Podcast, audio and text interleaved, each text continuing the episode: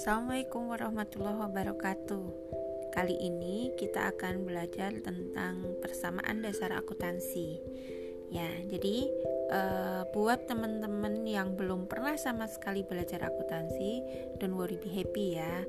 Jadi akuntansi itu gampang banget sebetulnya kalau kita mengerti prinsipnya. Uh, sebetulnya kalau kita sudah pernah belajar penjumlahan harusnya sih pasti bisa ya akuntansi harusnya. Jadi akuntansi itu berasal dari e, cara berpikir akuntansi itu sama dengan cara berpikir matematika. Hanya saja nanti variabel-variabelnya akan e, berubah menjadi namanya nama akun gitu ya. Oke penjelasan tentang akuntansi akan kita jelaskan pada podcast berikutnya